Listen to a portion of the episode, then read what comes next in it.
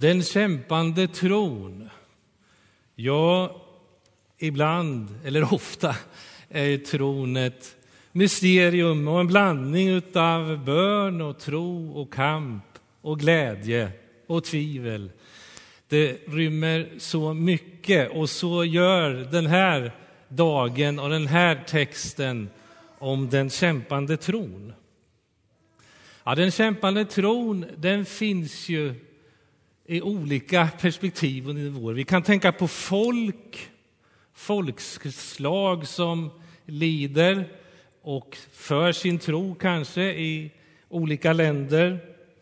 Och vi kan också gå raskt, ofta till oss själva och tänka på kanske vad vi kämpar med, med vår tro och, och undrar.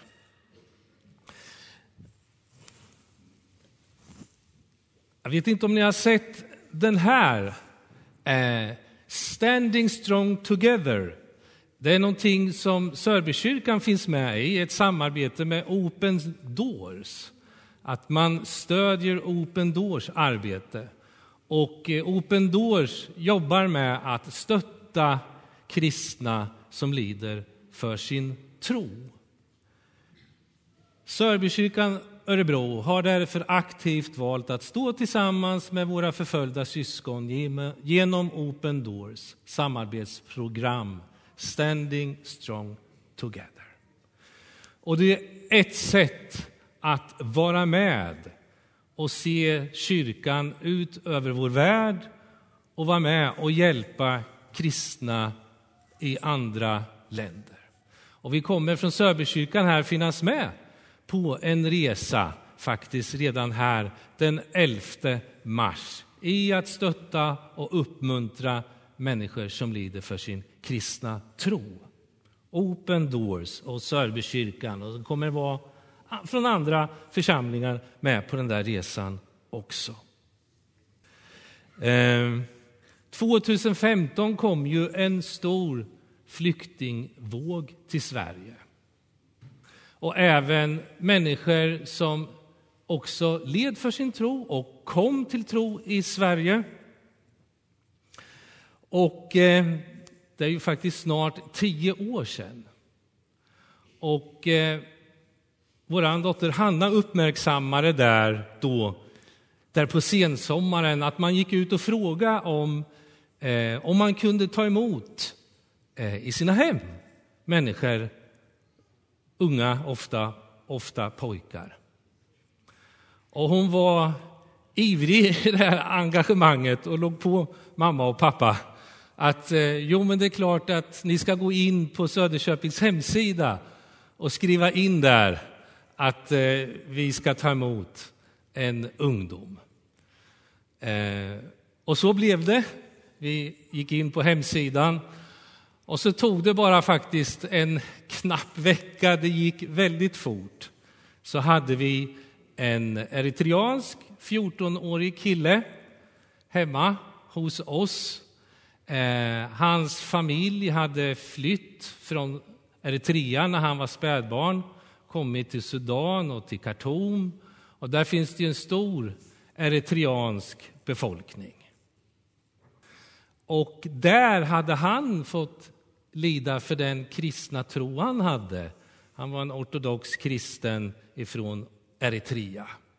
Så det var inte bara enkelt att komma till Sudan och Khartoum. Eh, och han visade faktiskt eh, märken på sin hud. Och då kommer det nära, verkligen. Man kan bli drabbad på det sättet. Eh, och Simon, han eh, hade liksom som tolvåring tagit sig själv ifrån då Khartoum. Han var näst äldsta syskonet av nio syskon.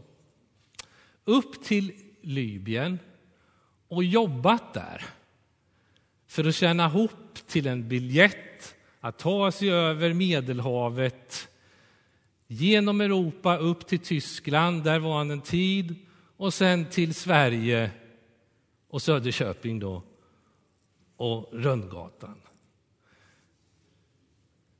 Sen är ju det här, det klart, inte lätt från att liksom levt på gatan kan man säga under sin uppväxt så, landa i en familj där det liksom måste inordnas. Alla vet som lever i familj och så. Eh, men det var fint att få lära känna Simon under ett knappt år så. Vi har god kontakt fortfarande så. Ja, eh, nu ska vi tratta ner det här lite från världsperspektivet till den här kvinnan. Idag så möter vi en kananeisk kvinna. Och vilken kvinna faktiskt. Vilken kvinna. Och vem har inte ropat för sina barn, Tänk.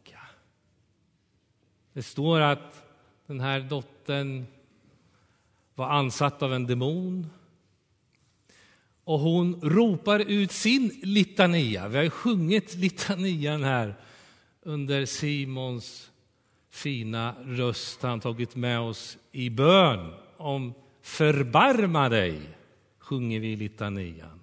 Och det var ju just vad den här kvinnan sjöng ut, eller ropade ut. Herre, förbarma dig.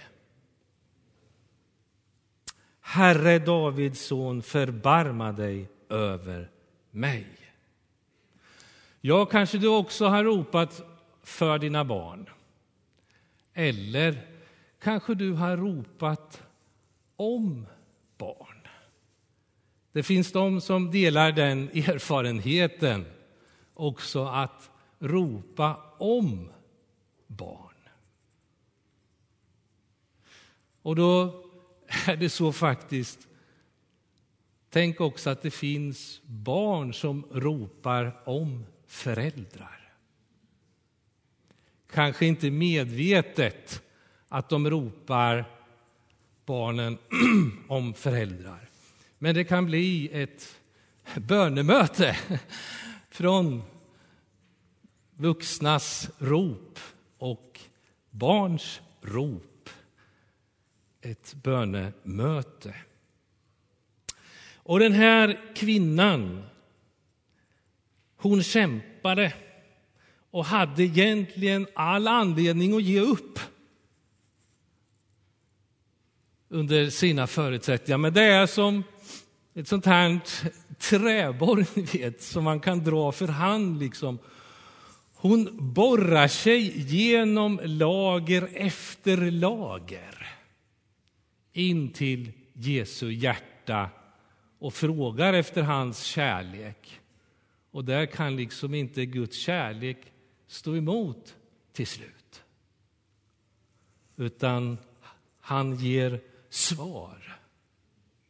Hon driver sin kamp ända in till slutet, denna fantastiska kvinna.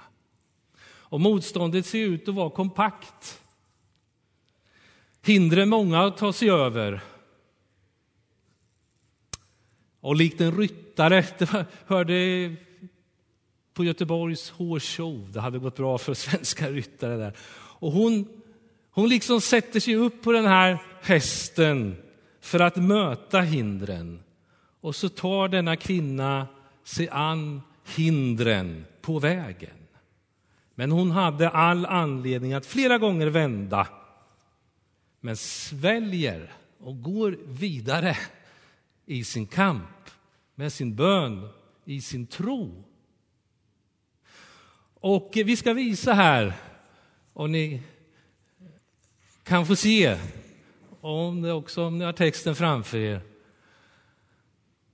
Ja, egentligen fanns det fem anledningar för den här kvinnan att vända upp och ge upp sin bön. Ja, hon var en kananeisk kvinna. Och därför egentligen så skulle hon vid tanken på jo men jag går efter den här Jesus, jag har hört att han är på väg här. Så skulle hon egentligen kunna tänkt vid en djupare eftertanke, nej, just det, jag är ju kananea. Då kan jag lika gärna vända hem direkt. För även om det kom från kanan som Israels folk skulle till en gång i tiden, så var just kananéer en benämning på upp i norr där vid Tyros och Sidon. Och de var kända för sin hedniska kultur och hedniska gudstjänstliv. Så att det liksom var på ett sätt ett skällsord, kanané. Ja, det skulle vara lönlöst egentligen. Dags att vända, skulle hon tänka. Dags att vända. För det andra, när hon ropar ut Herre, Davids son, förbarma dig. Så är det tyst. Det är tyst från Jesus sida.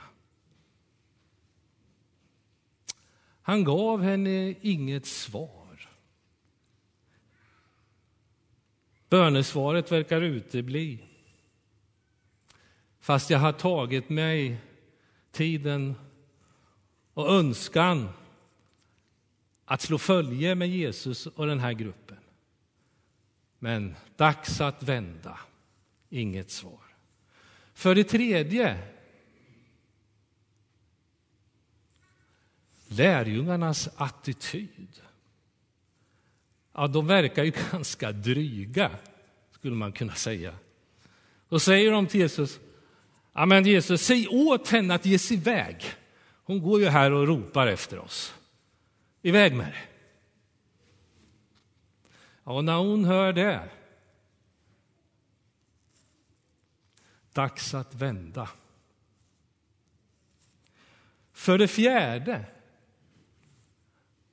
så säger Jesus och vänd till sina lärjungar, men vi kan ju också tro att hon uppfattar vad som hörs och sägs där. Så säger Jesus att, och förklarar att han är sänd till Israels folk.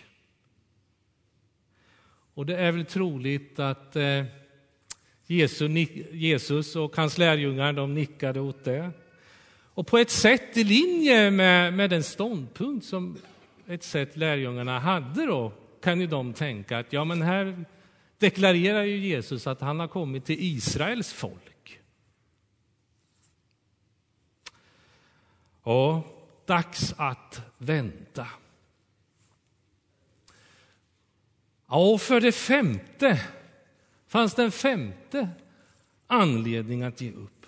Hon blir ju kallad för hund. Det är inte rätt att ta brödet från barnen och kasta det till hundarna.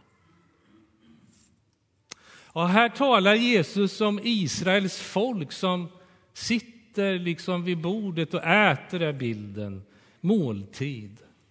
Och barnen, Israels tolv stammar. Men hon får liksom naket presenterad för sig att hon är som en hund. Och en liten förmildrande omständighet skulle kunna vara, när man läser det i alla fall, så är det ett ord om hund som är som en familjehund. Och ni vet familjehundar, hemma hade vi strävhåriga taxar när jag växte upp som, som användes till jakt och var lite inne och så ute i hundgården. Och när de var inne så visste de ju, som alla hundar, att liksom när det har ätit så kan det ju ramla ner lite smulor, så de gick, som, gick och småvaktade och väntade lite tills måltiden var över. Ja, och så hör den här kvinnan. Och då kan man väl tänka, nu är det väl för mig som har blivit presenterad som hund, dags att skälla på Jesus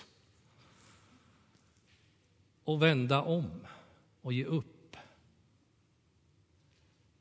Men hon tar inte den attityden och vänder och springer därifrån. Nej, istället liksom för att lomma iväg med svansen mellan benen så använder hon den här bilden som Jesus tar av måltiden. Och hon liksom tar sig ur det här pressade läget från att vara nere, jag vet inte i sportgrupper om ni brottas, men där kan man ju vara nere i brygga i brottning. Och liksom, hon sitter ju fast i ett grepp kan man tänka. Men den här kvinnan, hon tar den här bilden och det sista från Jesu ord och liksom vänder det på det. Nej, men hundarna får ju faktiskt äta av smulorna från bordet. Och liksom kastar om och liksom gör om den här bilden så skulle liksom från Jesus sida på ett sätt vara liksom det definitiva, den femte grejen som skulle kunna ha sagt punkt från den här kämpande tron och bönen om förbarmandet. Men de tar den och använder den. Nej men hör du, hundarna får ju äta av smulorna från brödet.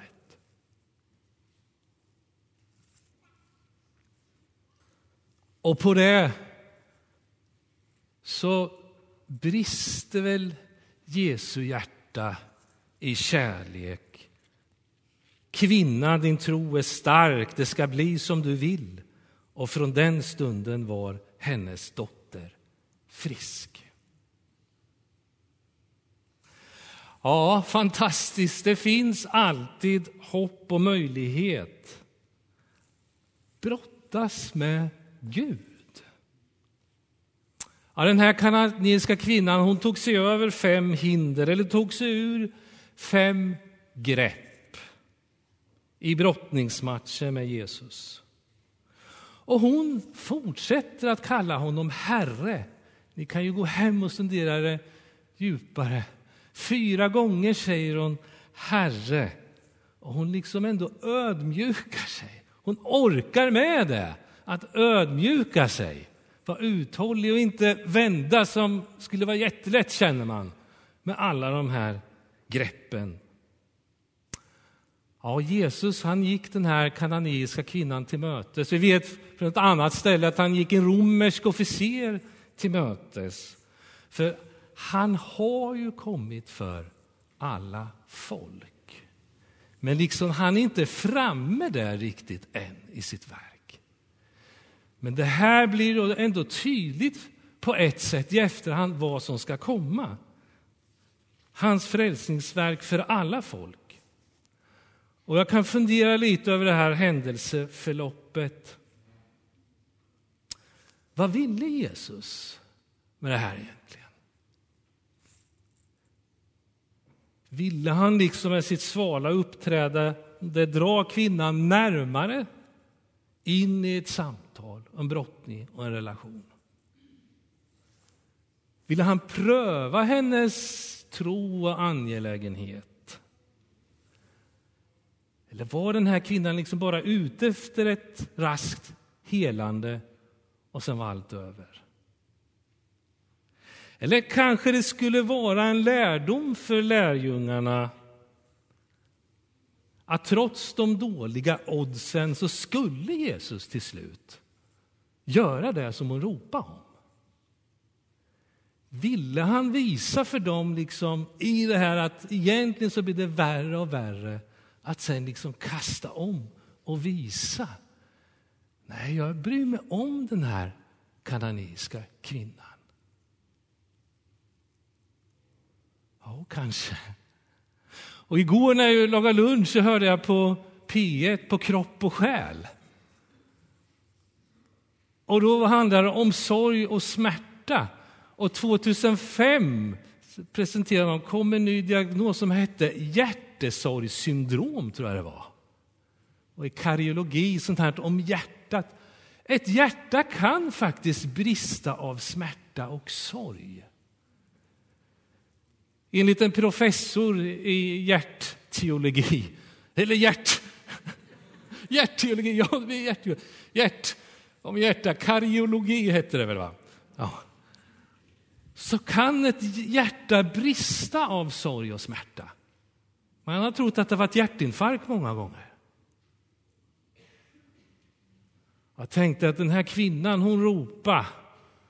Kanske hennes hjärta höll på att brista. Men tänk att liksom Jesu hjärta smälte där till sist och liksom brast i kärlek över hennes rop om förbarmande. Din tro har hjälpt dig.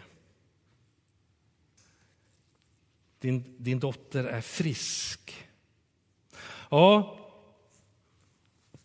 eh, nu ska vi bara få upp den andra bilden där.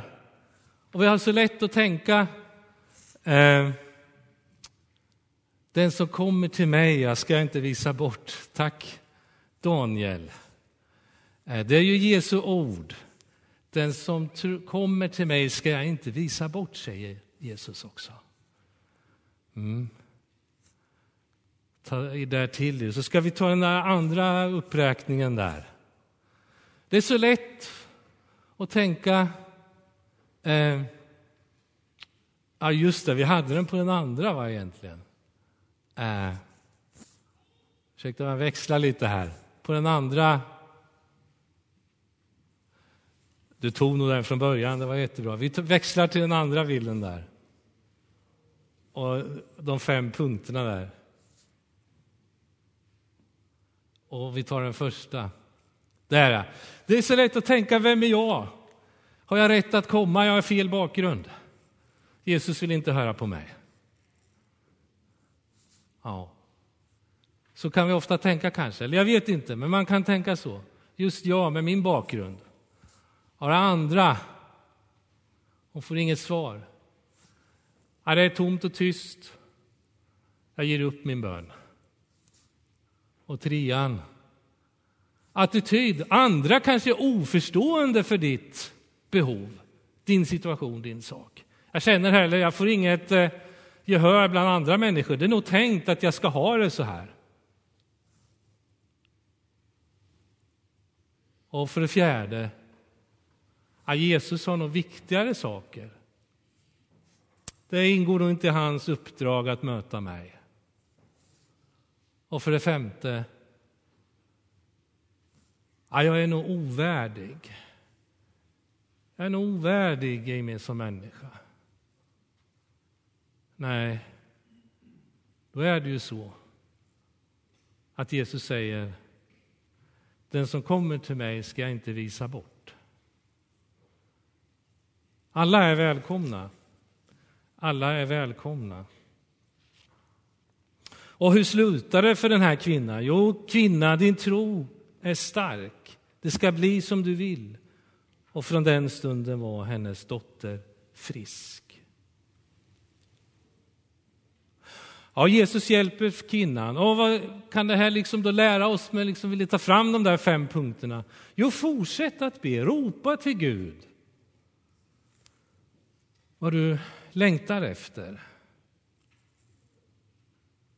Gå hem och läs om Jakob i GT-texten idag. Jakob brottades med Gud, fadern för Israels tolv stammar. Han fick ett slag i höften. Han fick en smärta. Men vad var upplösningen? Jag släpper dig inte med mindre att du välsignar mig. Han liksom fortsatte att hålla taget om Gud i sin brottning. Jag släpper inte. Och han gick välsignad därifrån. Men halt. Ja, smärta och välsignelse kan gå hand i hand. Tänk att han, liksom från Abraham, Isak, patriarkerna, och sen han Jakob. Och så skulle välsignelsen gå ut genom Jakob och de tolv stammarna. Han hade upplevt smärta och gick med smärta. Och sen liksom vidgades ut så här och sen så in igen med den här välsignelsen genom Jesus Kristus. Vad han vill ge. Och sen ut igen till alla folk. Som en sån här tid, heter det sån här tidur? Nej, sandur. Timglas. Precis så ungefär. Ja. Och vi går inte ensamma, hörni. Och vad säger Paulus? Han säger bär varandras bördor så uppfyller ni Kristi lag. kan man läsa Galaterbrevet 6 och 2. Bär varandras bördor så uppfyller ni Kristi lag. Eller från episteltexten här.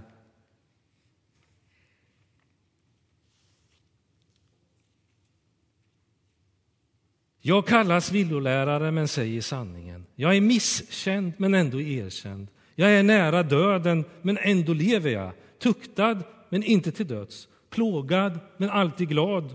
Jag är fattig men gör många rika.